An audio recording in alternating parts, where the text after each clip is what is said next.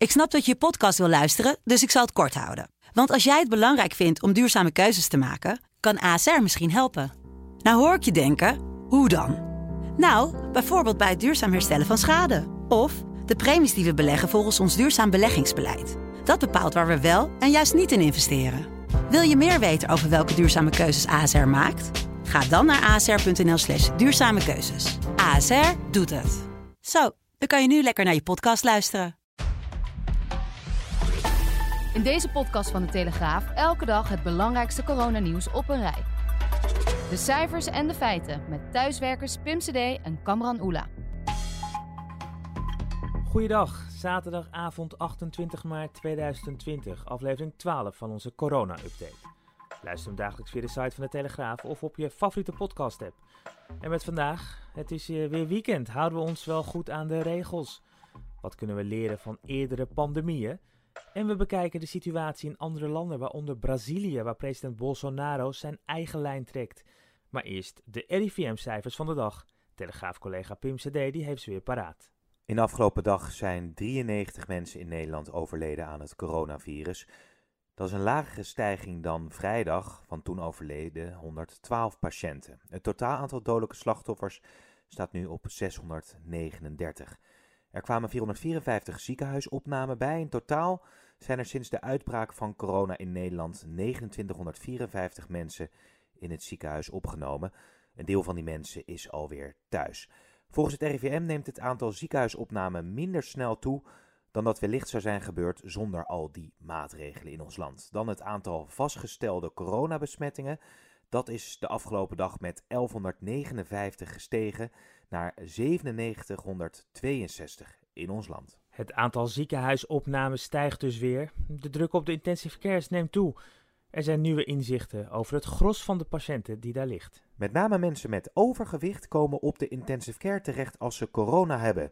Met dat opvallende nieuws kwam de voorzitter van de intensive care vereniging, Diederik Gommers, in Jinek vrijdagavond. Ongeveer 80% van de coronapatiënten op de Nederlandse IC's is te zwaar.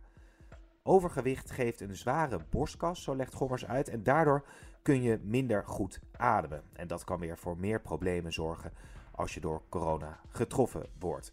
Dan telegraafverslaggever Wiert Duk. Hij maakte voor deze zaterdag een groot verhaal in onze krant. Van de zwarte dood tot de Spaanse griep. Grote pandemieën die de mensheid troffen, worden daarin met elkaar vergeleken. En de grote vraag is natuurlijk, welke lessen kunnen we trekken? Ik denk dat het belangrijkste is dat de overheid er rekening mee moet houden en een plan moet hebben klaar liggen. Het grote verschil tussen de Republiek, de Nederlandse Republiek en uh, Italië bijvoorbeeld. In Italië bij de pest hadden ze wel heel snel in de gaten wat, het, um, wat de oorzaak was. Toen hebben ze rigoureus besloten om schepen uit de Levant, zoals je toen zei, te weren, omdat ze wisten dat die de pest meebrachten.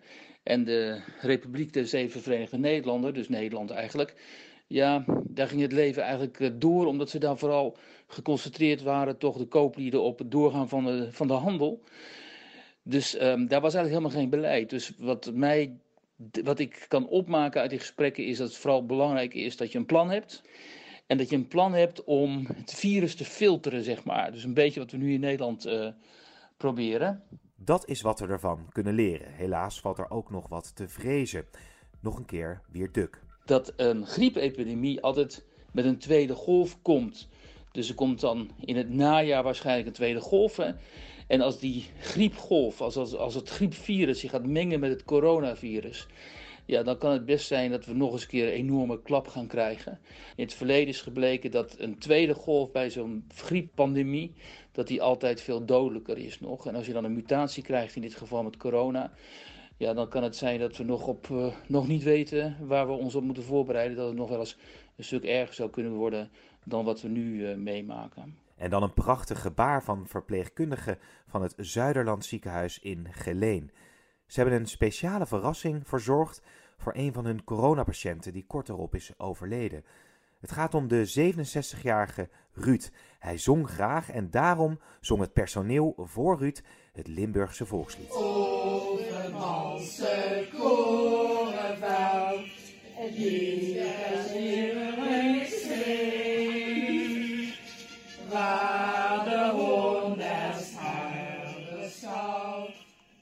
familie vond het gebaar van de verpleging fantastisch. Zo mooi, ik heb alleen maar staan huilen. En nog steeds trouwens, al dus zoon Melvin tegenover RTL Nieuws. Veertien dagen geleden zaten plots de terrassen vol.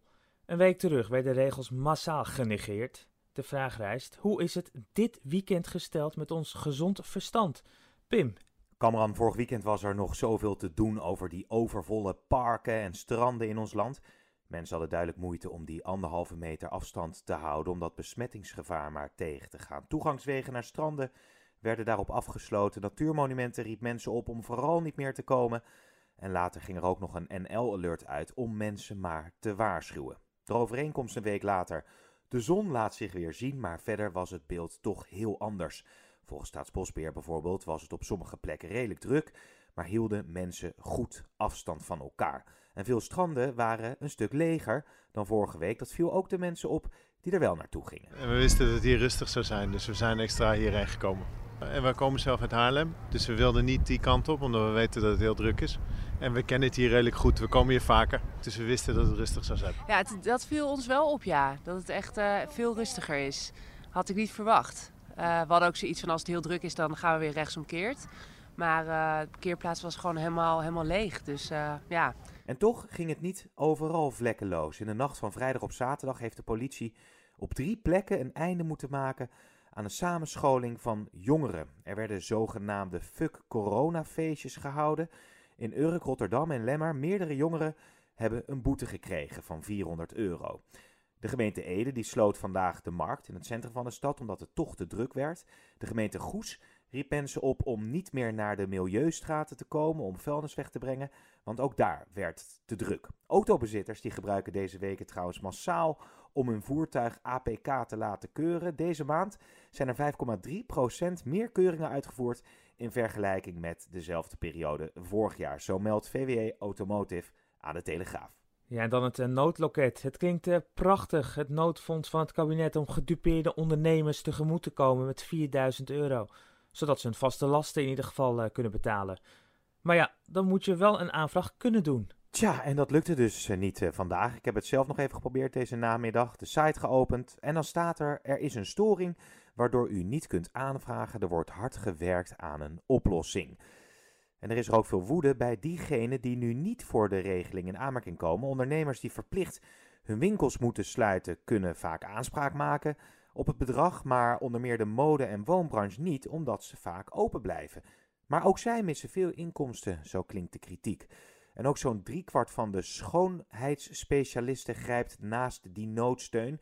De ondernemers hebben dan bedrijf aan huis en daar geldt die eenmalige 4000 euro tegemoetkoming dan weer niet voor. Het is in allerlei al opgetuigd, dus er kunnen nog kinderziekten in zitten, zo luidt de reactie. En bovendien zegt het ministerie van Economische Zaken dat er allerlei andere maatregelen uit het noodpakket aankomen om meer ondernemers te kunnen steunen. Onze dagelijkse blik over de grenzen reikt dit keer iets verder dan normaal. Onrust in Brazilië namelijk na een draai van president Bolsonaro. Waarover de hele wereld draconische maatregelen worden genomen om het virus onder controle te houden, wil president Bolsonaro dat mensen net als anders gewoon hun werk gaan doen.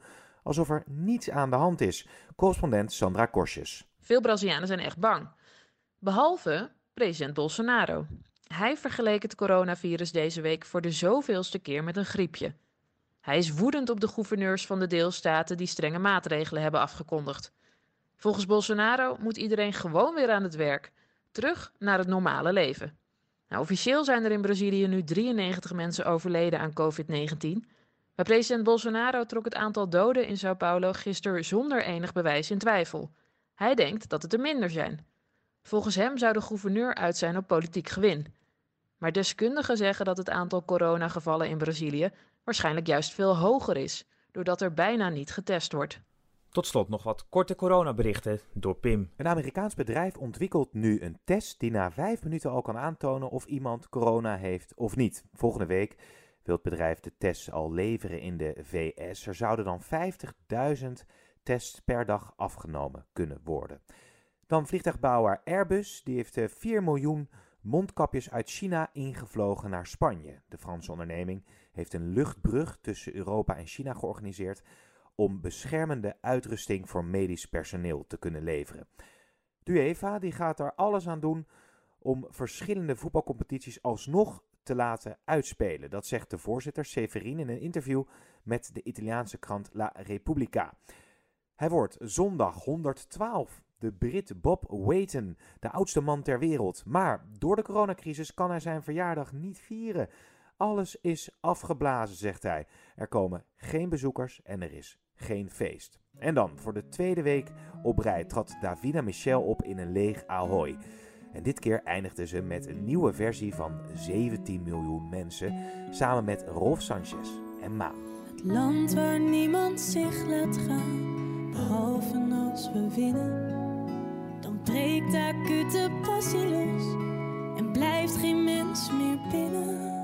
La tierra no critica más, creen en uniformes. Hijos dejaron de hablar, leyes son enormes. 17 miljoen mensen op dat hele kleine.